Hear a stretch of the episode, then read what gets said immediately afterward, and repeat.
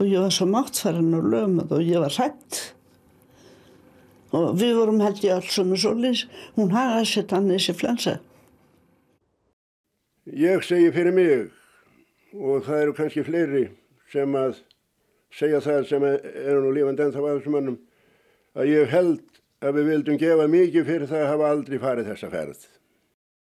Egilega hefði þurft að einangra þessa konu, það hefði bara þurft að fara með þar úr, frá Reykjavík og koma það fyrir einhver staðar og með þar gengum með pötni, þá hefði það lifað af Já, svona getur gerst aftur. Þetta hefur gerst uh, um aldir og það er engin ástæð til að ætla annað en að það muni halda áfram. Í byrjun november 1918 er spænska veikin að breytast úr því sem menn töldu vera tiltölulega vægan influensufaraldur í Reykjavík í að vera skæð drepsótt sem breytist hratt út um landið.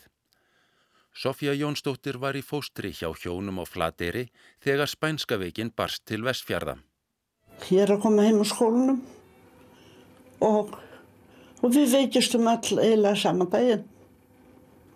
Hann, hann, hann var svona bara allt einu og lamar og, og, og mátlus og gæti ekki tala og var dáin eftir viku. Og svo, svo reyndi hún að fara út í fjárhús en gata ekki hérna með lítið. Og svo var ég að setja þann að horfa á pappa minn degja fóstupappa minn sem ég hef náttúrulega séð fyrir og svo var sömulegis með mamma mín fóstupappa minn og þau dói bæði á viku á viku voru bæði dáin Þegar þetta viðtal var tekið og sínt í þáttum Elínar Hirst spænskuvekinni voru 80 ár liðin frá atbyrðunum sem Sofja lísti. Hún rakti þó óta viðbröð sín síðar á lífsleginni til þessara reynslu og óttans sem greip hana í veikindunum. Ég var svo, svo lömu sko og ég var svo má, máttfærin að ég gæti ekki talað og ég var svo máttfærin og lömuð og ég var hrætt og við vorum held ég alls um solis, hún hagaði sér þannig þessi flensa. En Íslendingar voru náttúrulega alls ekki vel búinir til að takast á þetta því að heilbreyðiskerfi hér var mjög frumstætt. Hér var engin, í Reykjavík var engin borgarspítali. Landsspítalin eh, var ekki eh, reistur fyrir eftir spænsku veikina og degur ekki til starfa fyrir 1930. Hér er aðalsjúkrófsbæjarins er landakott það sem að Santi Jósefsistur eru, það eru, það eru 40 rúm, svo er franski spítalinn á Lindagotunni, minni, þetta eru einu sjúkrahúsin í Reykjavík, svo er Kleppur fyrir eh, geðsjúka. Og svo var búið að reysa berglahælið á, á hérna Vívilstuðum. Þannig að heilbriðiskerfi er mjög svona frumstætt, það er slægt að læknum, mjög fáar hjúkunakonur segir Gunnar Þór Bjarnason, sakfræðingur. Magnús Gottfreðsson, sérfræðingur í smittsjúkdómum, tekur í sama streng. Jú, það eru auðvitað ljóst að 1918 eh, er ekki til að dreifa mörgum virkum meðlum sem hægt er að beita. Þannig að það sem að eh, við erum að gera í dag, ímiðskonar eh, stuðnismeðferð, vökuagjöf í æð, síklarlifja meðferð, öndunarstuðningur, Eh, jafnvel liv til að hækka blóðþrýsting ef fólk er í losti og svo framvegis ekkert að þessu eh, stóð til bóða. Þannig að viðbröðin beindist fyrst og reynst að því að reyna að hindra útbreysluna, gefa fólki ráð varðandi svona almenna almenn samskipti, draga úr samskiptum meðan veginn var að breyðast rætt út. Og síðan voru liv þess tíma auðvitað notu talsvert eins og hitalækandi eh, fenacetín eh, salisilsýra eða aspirín var notað. Kamfóra eitthvað var notað af jæfnvel vínanda. Eh, það voru til svona frumstæðar útgáfur af síklarlifum á þessum tíma sem að hrifu ekki og er talað um Þannig að í stuttum máli þá fólst meðferðin fyrst og fremst í almennum stuðningi og svona aðhlýningu þeirra sem að voru veikir. Uh, það voru þetta til verkjalif og lif til að draga úr þrálatum hósta eins og til dæmis kótein og morfín slæmum verkjum. En, en bein og virk meðferð gegn veirunni sjálfri eða fylgíkvöldum hennar, hún var ekki til. Þórður Tórótsen var elsti starfandi læknirinn í Reykjavík, 62 ára. Hann veiktist aldrei meðan á spænsku veikinni stóð og náði að halda fyrðu ítalett bókald um sjúklinga sína. Á tæpum 6 vikum syndi Þórður 1232 sjúklingum. Hann annaðis fyrsta influensusjúklingin 28. oktober. Fram að mánaðmótum voru sjúklingarnir fjórir á dag að meðaltali. Fyrstu fimm daga november urðu þeir nær 30 á dag. Næstu fimm daga, 7. til 10. november, annaðist þorður 65 sjúkling á dag að meðaltali og þegar mest gekk á, undir miðjan mánuð, fór hann til rúmlega 70 dag hvern. Þessa daga svaf hann ekki nema örf á klukkutíma á hverju nóttu. Eftir það fækkaði sjúklingum hratt. Þeir voru tæplega 40 á dag að meðaltali 16. til 20. november fáir í kringum mánaðamót og engin eftir 7. desember. Já, það er alveg rétt. Maður getur ekki annað en hrifist af uh, því sem hann leggur til málana vegna þess að Þórður er læknir á miðjum aldri 1918 eða, eða komin svo sem kannski jafnvel aðeins yfir miðjan aldur 1918 uh, hefur starfað við lækningar um áratuga skeið, uh, er fluttur til Reykjavíkur og er einn af fáum sem að eh, heldur heilsu meðan faraldurinn geysar hér í borginni, fer hús úr húsi og, og, og eru þetta undir gríðarlega miklu álægi en nær einhvað síður að halda ótrúlega nákvæmt bókald um veikina og það er einmitt honum að þakka sem að, að við getum glöggvað okkur betur á faraldsvæðinni, hvernig veikin breyttist út uh, og, uh, og sumuleiðis er hann með gríðarlega greinargóða lýsingar á einkennum. Skrár Þórðarlæknis gefa góða insýn í það hverjir veiktust. Næri helmingur allra sjúklinga sem hann annaðist í spænsku veikinni var á aldrinum 20 til 40 ára og rúmlega helmingur allra þeirra sem veikastir ördu. Venjulega verða þeir yngstu og þeir eldstu verst úti í farsóttum. Það eru til nokkra kenningar uh, um ástæðir þess þar að meðal að þarna hafi verið um að ræða uh, Eh, ónæmis svar eh, frá fyrri tíð sem að eh, leiti til þess að þessi tiltekni aldurshópur svaraði á þennan hátt eins og rumbar vitni.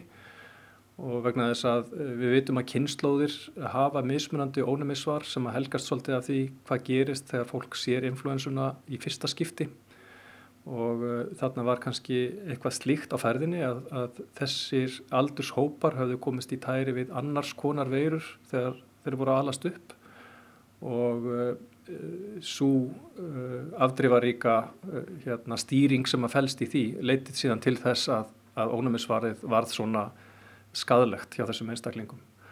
En það eru líka til uh, aðrar skýringar eins og til dæmis svo að, að, að ónæmiskerfi fólks á þessum aldri sé bara einfallega of stert og það hafi bröðist við eins og römbir vittni með of yktum viðbröðum sem að allu miklu um þessa svæstnu uh, sjúkdómsmynd sem að blasti við. Bæjarlífið í Reykjavík lamaðist þegar leið á november. Blöð hætt að koma út og búðum var lokað. Fólk sástvall á ferli. Opnunartími banka var stittur, bæði stjórnaráð og ofinbyrra skrifstofur voru lokaðar suma dagana. Sum bakari lokuðu dýrum vegna veikinda bakaranna en mjölk tókst að ágreða. Starfsemi landsímastöðvarinnar, tengingarinnar við útlönd, fjaraði smám saman út. Um skeið var aðeins einn starfsmör uppistandandi. Einn búð var þó opinn meira en venjulega. Livjabúðin var opinn allar nætur.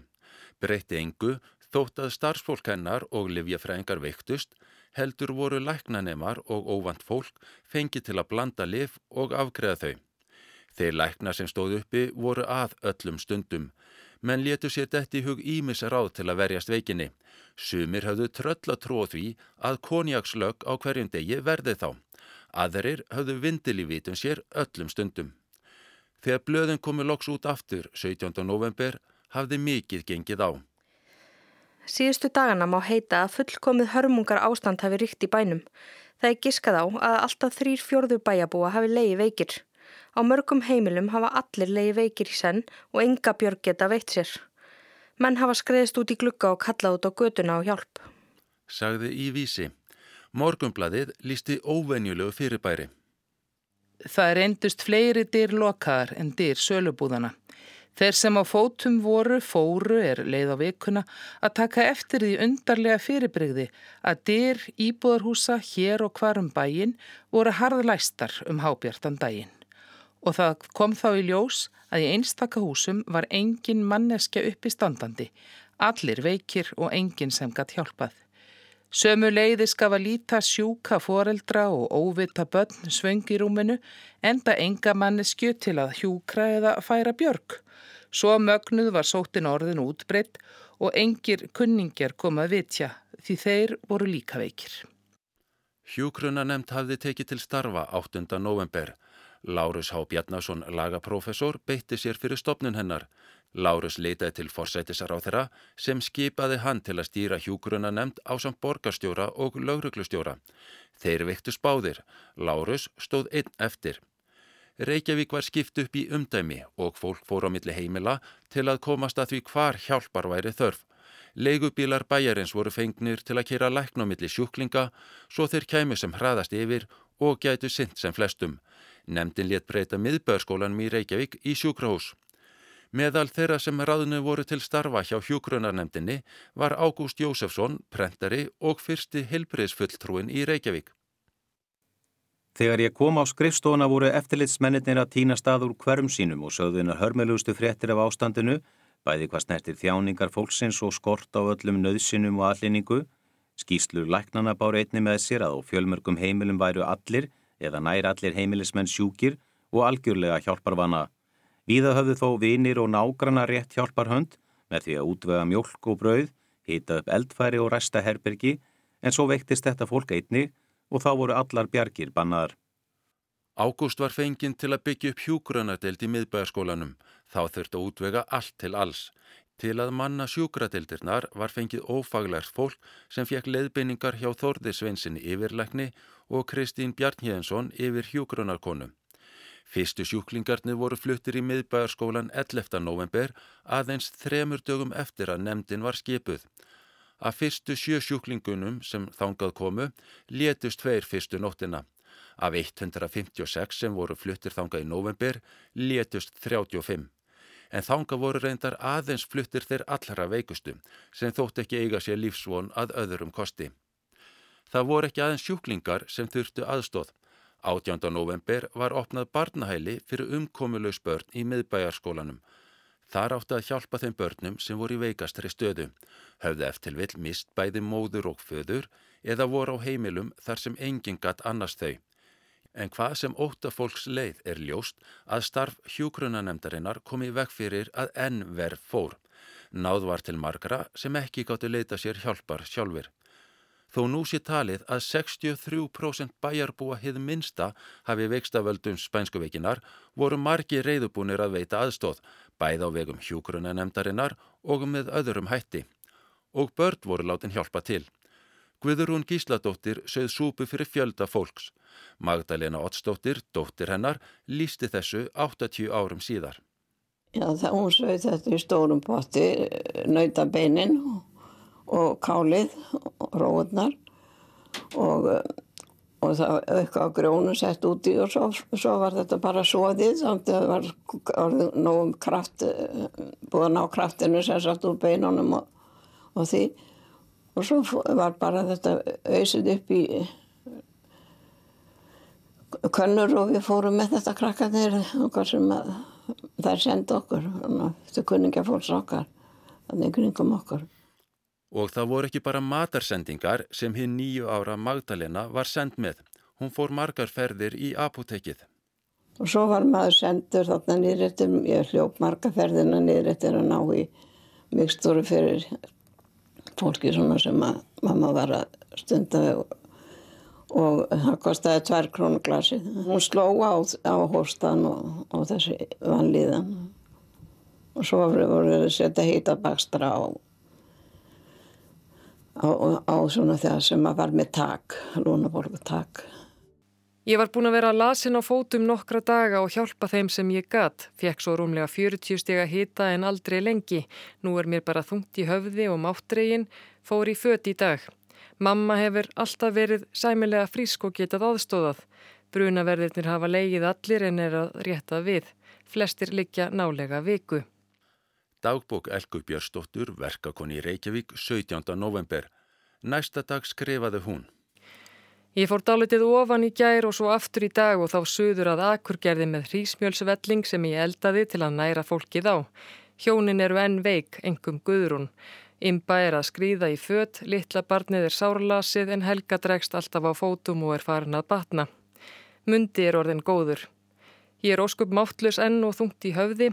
Vestlingsmamma bastlar alltaf það sem þarf að gera hér og vitja svo um sjúklinga sína á eftir. Undir lokmánadar var Elka, eins og svo margir, ekki enn búin að jafna sig að fullu. En þú spurður um sögur, Já. Eh, eftirminlega sögur, eins og eftirminlegasta sem ég hef nú eh, sagt áður frá. Það er um, um, um, um sískinni sem mistu móðu sína áttu heima hérna við skólaverustíðin og strákurinn var tí ára eða um það eh, bil, ég man ekki hvort það var tí eða ellu ára. Og hún liggur sem sagt eh, líki liggur heima í kistu og það vandar lok. Og strákurinn þessi ungi strákur er sendunir í bæ til að ná í kistulokið. Og þetta er svona í mínum huga einn eftirminnilegasta svipmyndin af aðstæðum í Reykjavík um þetta leiti þegar lítill tíu ára gammal drengur er að rógast upp skólaverustígin einn með líkistu lok lokið á kistu móður sinnar. Þetta er svo átakanlegt. Saga Gunnars Þórs Bjarnasonar vittnar um hlutskipti fjöldabarna sem mistu foreldra sína. Hafinn var fjársöfnun til stuðnings þeim sem áttum sárt að binda. Tór Jensen, einn umsvifamesti atvinnureikandi landsins á sínum tíma, opnaði eldhús þar sem hundruð fengi að borða á hverjum degi, engum börn. Aug þess var matur útbúin í eldhúsinu og sendur fólki sem lág rumfast heima. Drepsóttin breytist hratt út næsta Reykjavík og nákrenni, allalið til Vestfjara, inn á Suðurland og til Vestmanneia. Gripið var til ferðatakmarkana og sótvarna og þannig tókst að komi veg fyrir að veikin geysað á Norðurlandi, Östurlandi og hluta Suðurlands fram á vor 1919 þegar þriðja og síðasta bylgjan gekk yfir. En annar starf var engum vörnum við komið. Guðurún Gísladóttir Ljósmóðir tók á móti börnum á Akranesi og í nærsveitum í hartnær halva öld frá því sent á 19. öld þar til skömmu fyrir upphafsetni heimstyrjaldar. Þó merkilegt með ég heita þá voru það ekki ljósmóðurstörfin sem mest hafa reynda á getu mína heldur hjúgrunastarfið í Spönskuvikinni árið 1918. Það voru fullar þrjár vikur sem ég nöyt ekki kvildar í þann tíma en það vildi til að ég þóldi vel að vaka.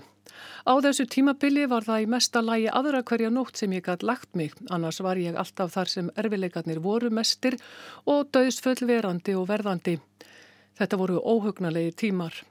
Það bjargaði mér hvað heilsuraust ég var sjálf því þrátt fyrir það að ég var svo að segja hjá hverjum þeim sjúklingi sem veikastur var, þá fekk ég ekki svo mikið sem smá kvilla af þessari veiki. Ólafur Finnsen, læknir á Akrænesi, taldi að nýju af hverjum tíu skagamönnum hefðu veikst í faraldrinum. Síðar í faraldrin barst hinga 31. oktober með manni sem fór til Reykjavíkur með mótorbát að morgni og hafði þar aðeins 6 tíma viðtvöld. Tveim dögum eftir heimkomuna leggst hann og næstu daga allt fólkið á heimilans. Veikin fer nú hratt yfir, tekur hvert heimilið og fætur öðru og leggst mjög þungt á flesta og fæstir lágu skemur umfastir en sjö daga. Í kringum þann 12. november var sóttir komin í algleiming hér á Akranesi aðeins sex heimili sem hún hafði ekki komið á. Allt innesið og víða komið upp um sveitina. Lúnabólga og aðrir fylgikvillarordnir mjög tíðir. Ástandi hér var nú orðið voðalegt. Ólafur lofaði Guðurúnu ljósmóður og sagði að hún hefði komið til sín á hverjum degi og spurt hvar ástandi væri verst. Þángað hefði hún farið og lagt á sig feikna mikið starf og miklar vökur. Oft var það hreitni tilviljun að einhver rakst inn á sum heimilinn til að vitja læknis og koma þanga meðalum. Sumstaðar var svo ástatt þar sem ég kom að allt fólki lág í kássu, engdist sundur og saman af hósta, þrautum og þosta. Hafði ekki eins og niður rænu að ná í vatn til að svala þosta sjúklingana. Jafnvel meðulinn stóðu óhreyfð höfðu ekki ræna og taka þau inn. Suðurnesjamenn urðu ítla úti í spænsku veikinni. Þegar sjálfur læknirinn viktist var fengin læknanemi til að leysa hann af. Pál Kolka var á fjörð ári námi þegar hann var sendur til Keflavíkur, nýstígin upp úr veikinni og búin að horfa upp á vinsinn deyja. Pál kom til Keflavíkur þegar nokkuð var liðið á kvöld en fór þegar að vitja sjúklinga. Næsta dag fekk hann þær frettir að þrýr þeirra væru látnir. Eitt þeirra sem Pál var beðin að vitja á öðrum degi lést áður en hann komst þangað. Sumarferðirnar urðu Páli sérstaklega ministæðar og ekki af góðu. Í þessu rúmi lá maður með lúnabólgu í báðum lungum, komin að bana. Fyrir framann hann í rúminu kona með barn í handakrika sínum og annað minna í vöggu við rúmstokkin. Elsta barnið, 6-8 ára gömul stúlka, var ein á fótum. Þaðan fór ég í næsta hús og bjó þar móðir þessa manns. Hún lá rúmföst, dóttir hennar, 16 ára gömul fyrir ofan hana, hljóðandi og sonur hennar uppkominn í rúmi beint á móti með lúnabolgu, en ekki mjög þungt haldinn. Frá þessum stöðum hjælt ég í hús eitt nálagt útskálum. Þar byggu upp á lofti gömul hjón á samt 16 ára gömlum sinni sínum. Ég heyrði dauðarhygluna í honum þegar ég kom upp stegan. Í húsinu niðri bjó tengdasonur þessara gömlu hjóna, stór og hraustlegur maður, en einnig fast að bana komin. Þar var sleið upp barnarúmum, hverju upp af öðrum, og gæðust einni eða tveir krakkakollar út úr hverju rúmi meðan ég var að skoða föður þeirra. Ég held að ekkert sem fyrir mig kom þar siðra hafi gengið mér svo að hjarta sem svo sjón. Lýsingarnar í æfisuðu Páls næri hálfur öll síðar eru nöturlegar og þar koma því að hann bögaðist. Ég varð svo örfinglaður að ég formælti þeim degi sem ég hafði ákveðið að lesa læknisfræði. Ásetti mér að síma landlækni um leið og símin er þið opnaður. Segjónum að hann er þið að senda annan mann í minn stað, söður. En ég fengi bíl til að flytja mig tafarlust heim til Reykjavíkur. Þetta fór um huga Páls á fymta degi. Hann harkaði af sér og var fimm vikur við læknistörf söður með sjó á einum þeirra staða þar sem flestir létust. Vassamandi konur þar eru alveg í sérstakra hættu að fá influensur vegna þess að það verður öskun á ónæmisvörnu líkamanns og það var ekki bara 1918 heldur gerist það ennþá daginn í dag. Það eru viðkvamar fyrir öllum síkingum og það þarf að verja þar sérstaklega. En á þessum tíma þá töldu læknar að basburður væri vörd fyrir móður. Það kom ekki ljós fyrir hann eftir spönsku veikina að hérna þá voru gerða, þá fóru læknar svona að skoða þetta að þá sáu þeir það að þetta var engin vörð, heldur voru þær í mikill hættu og það síndi sér líka í spænsku veikinni að það voru basavandi konur sem dói af veldum veikinar. Erla Dóris Haldóstóttir er sakfræðingur og hjúgrunafræðingur sem hefur rannsakað sögu fæðingarhjálpar á Íslandi. Þegar veikin fyrir að grassera hérna í Reykjavík, svona um í, í lok oktober, þá eru sko bassamandi konur í Reykjavík og hérna ég skoðaði fæðingaskrár ljósmaðra og það voru um 80 konur sem áttu vona sér alveg fram til áramóta. Og í november þá eru það... E, þá er það um 47 konur sem fæða. Og af þeim helmingur fær spansku veikina. Og það eru 8 sem deyja. Og það er deyja á nýju daga tímabili. Þar sem deyja. Af þeim eru sagt, 5 sem fæða ófullburðaböld og hinn, hinnar, konurnar, þar fæða sagt, börn sem ná ekki e, tveggjar aldrei þegar barn, lítið barn misti móði sína þá hérna voruð barnin í 50% meiri hættu að deyja líka. Ungt fólk fór verð út úr spænsku veikin en aðrir og ófrískar konur hvað verst. Egilega hefði þurft að einangra þessar konu, það hefði bara þurft að fara með þar úr, frá Reykjavík og koma það fyrir einhver staðar og með þar gengum með pötni, þá hefði það lifað af þessar áttar sem dói. Einn þeirra kvenna sem áttu vonu barni í november 1918 var Guðurún Þorvaldstóttir, langama mín. Móður mín, Kolbrún Þorvaldstóttir, heyrði söguna löngu síðar. Já, það sem er mjög minni stæðast er eiginlega þegar pappi minn saði mig frá því að þegar mamma svar orðin veik og var að fara eignast sitt sjötta bann að þá hvort að hann var sendur niður á höfn eða fór sjálfur því að pappans var sjómaður og, og var að koma í land en þeir, þeir voru látni líka út á ytru öfninni, átti ekki að fá að fara í land sjóminnir. Nefn að hann komst einhvern veginn í samband eða hvort að afið minn var sóttur út í skip en hann allavega kom í land og heim til sinna fjölskyldu og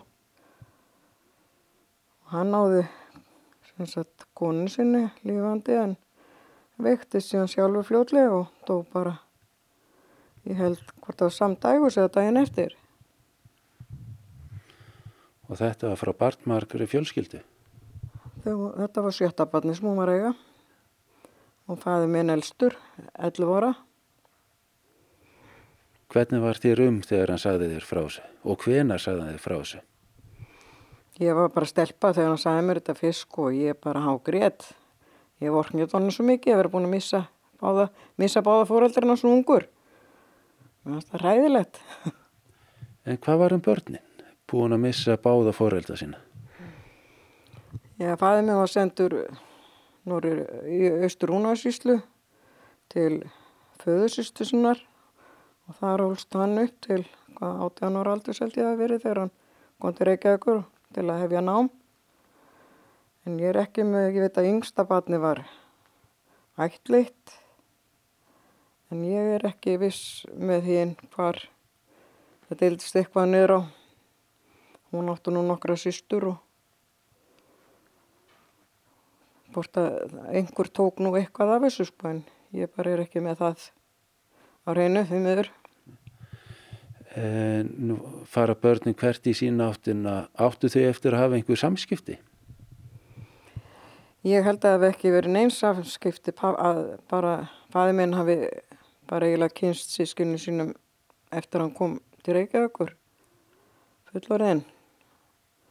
Þá allavega manni að hann var að tala um það, hann hitti Gústa bróðir sinn og kynntist honum og út frá því svona hittist þetta en þau hefðu öll mjög gott samband eftir það eftir að vonum fullorinn og fjölsýttu fólk og svona það var mikil og góðu samgangur á milli Sjötta part Guðrúnar Þorvaldstóttur og Brynjóls Karl Brynjólssonar, stúlka sem fekk nafnið Þóra, fættist 12. november.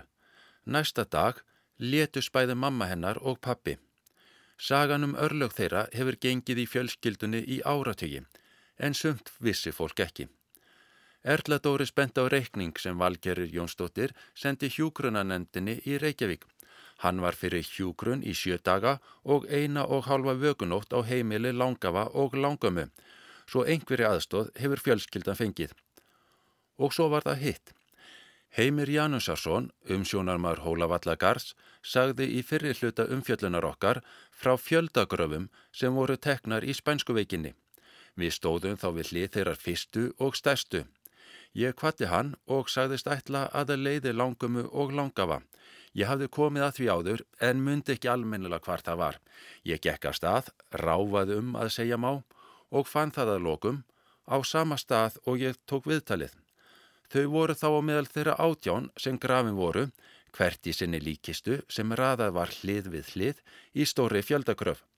Síðar hafa einhverjir afkomendur Karls og Guðrúnar komið fyrir leggsteini en vittneskjanum fjöldakröfuna tapaðist úr fjölskyldunni.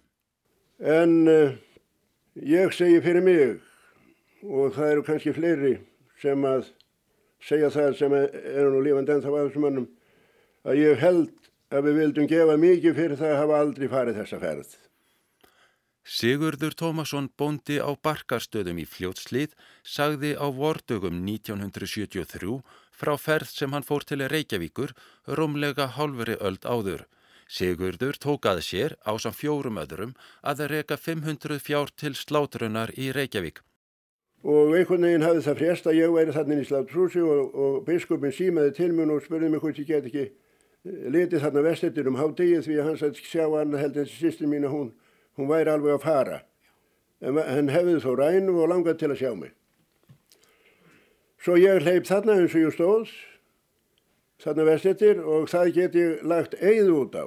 Það ég sá ekki einn einasta mann í bænum alla þessa leið innan úr sláturshúsi vestri Tjarnargöld 26 nema einn gráskjögg, svona 70-80 ára gamlan.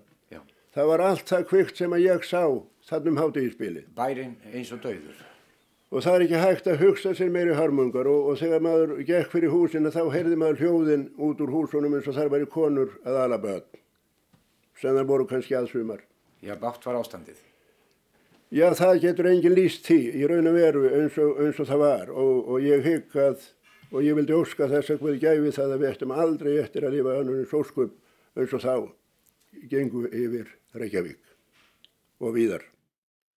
Sigurður ætlaði að gista hjá annari sýstu sinni sem bjó í Reykjavík en hún lá líka fyrir dauðanum. Sigurður taldi enga hjálpað fá í bænum og snera aftur heim þótt veikur væri orðin. Eitt ferðafélagin var fluttur í gamla barnaskólan þennan dag og dóg þar skömmu síðar. Hinn er lögðast að austur og komi við á nokkrum stöðum þar sem fólk var ímis þegar veikt eða hrætt við að veikjast. Listar með nöfnum hinn að látnu byrtust í blöðunum. Engil döiðans hefur fyllt sótinni miklu og varpað skugga dýfstu sorgar yfir fjölda heimila. Hrifnir er á burt menn og konur á ýmsum aldri og af ýmsum stjættum. Dauðin fer eigi í manngreinarálit og oft finnst manni að hann komi þar við sem síst skildi. Maður skilur eigi þegar foreldrar eru hrifnir burt frá badnahóp eða þegar gamla fólkið sem komið er á gravarbakkan verður að sjá á bak einu stóðinni sem það átti. Sagði í morgunblæðinu þegar greint var frá döðsföllum. Flest af því fólki sem nú hefur stíið yfir landamærin var á besta aldri og hafði störfað inn af hendi í þáu almenningshellarinnar þó misjöfn væri þau að ytri álitum. Flest átti það vini og ættingja sem bera nú þungan harm. Elli begðir foreldrar, gráta fagrar vonir, einstæðingar, enga atkvarsitt og börnin ástaríka foreldra. En sælir eru allir þeir í sorginni sem trúarvissun að hafa um annað líf. Þeir skilja að þetta er ekki annað en skammur viðskilnaður og að hinnir hortnu eru aðeins komnir á annað æðra stig tilvernar en ekki hortnir um tíma og eilífð ofan í svartar grafir. 484 létust af völdum spænsku veikinar hérlendis samkvæmt ofinberum tölum. Þar af 258 í Reykjavík, 44 létust í Keflavík og 31 á Eirarbakka. Hlutfalslega varð mannfallið mest í Keflavík, á Akranesi og í Reykjavík. Viggo Áskersson, sagfræðingur, hefur bent á að á þessum tíma les fjöldi fólks af völdum influensu á ári hverju. Samkvæm því hafi um 450 til 460 látist beinlinis af völdum annarar bylgjusspænskuvekinar umfram það sem gerðist í venjulegu orferði en sé þriðja bylgjantalin með eru döðsföllin 520 til 540 talsins fram á vor 1919. 540 döðsföll eru mikið áfall, sama hvaða mæli hvarða við notum. Þó má hafi huga að 1918 voru Íslendingar riflega fjórðungur þess sem nú er. Sankvæm því mætti segja að döðsföllin í spænsku veikinni jafngildi því að 2000 manns myndu deyja í farsótt á okkar tímum. Miðað við fólksfjölgun í höfuðborginni jafngilda döðsföllin 1918 því að nú myndu rúmlega 2100 deyja bara í Reykjavík. En gæti þetta gerst aftur? Magnús Gottfreðsson. Já, svona getur gerst aftur. Þetta hefur gerst uh, um aldir og það er engin ástæð til að ætla annað en að það muni halda áfram. Um, viðbröðin eru auðvitað fyrst og fremst þau að, að reyna að uh, vakta stöðuna betur heldur en hægt var á þessum tíma. Þannig að það er fylst mjög náið með þróun og myndun nýra veirustofna þaðan sem þeir koma yfirleitt sem er í Suðaustur Asi og í Kína.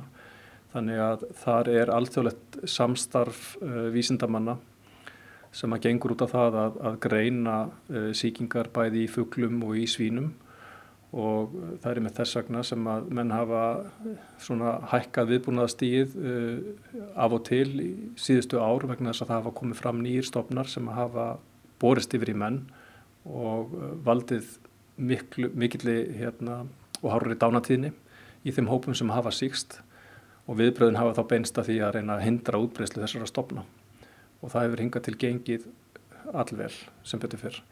Nú, ef hins vegar einhver uh, stopn kemst í gegnum þessa varnagarða og, og, og, og næra valda heimsfaraldri að þá ganga viðbrasáallanir uh, viðsvegarum heim út af það að reyna að hæja á útbreyslunni.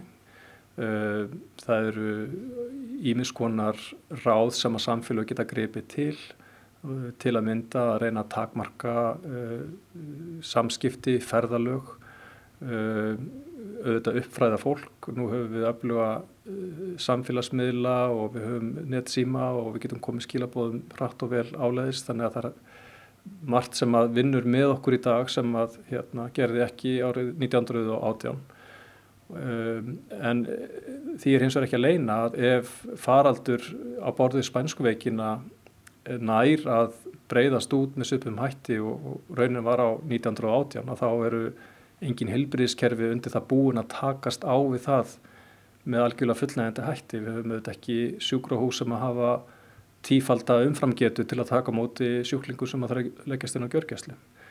En um, Við eh, erum hins vegar með bæði lif, veirulif og, og síklarlif og vökva og ímislegt sem að hægt er að grýpa til. Við höfum sagt sögur frá örófi alda, harmsögur, gamansögur, ástasögur, hverskinsögur og venjulega lítum við svo á að sögur eigi sér upphaf, miðju og endi og jafnvel skýr hvena saga hefst og hvena henni líkur. Þannig laug fyrir heimstyrjöld formlega klukkan 11. 11. november og það er meira sér til upptaka af því.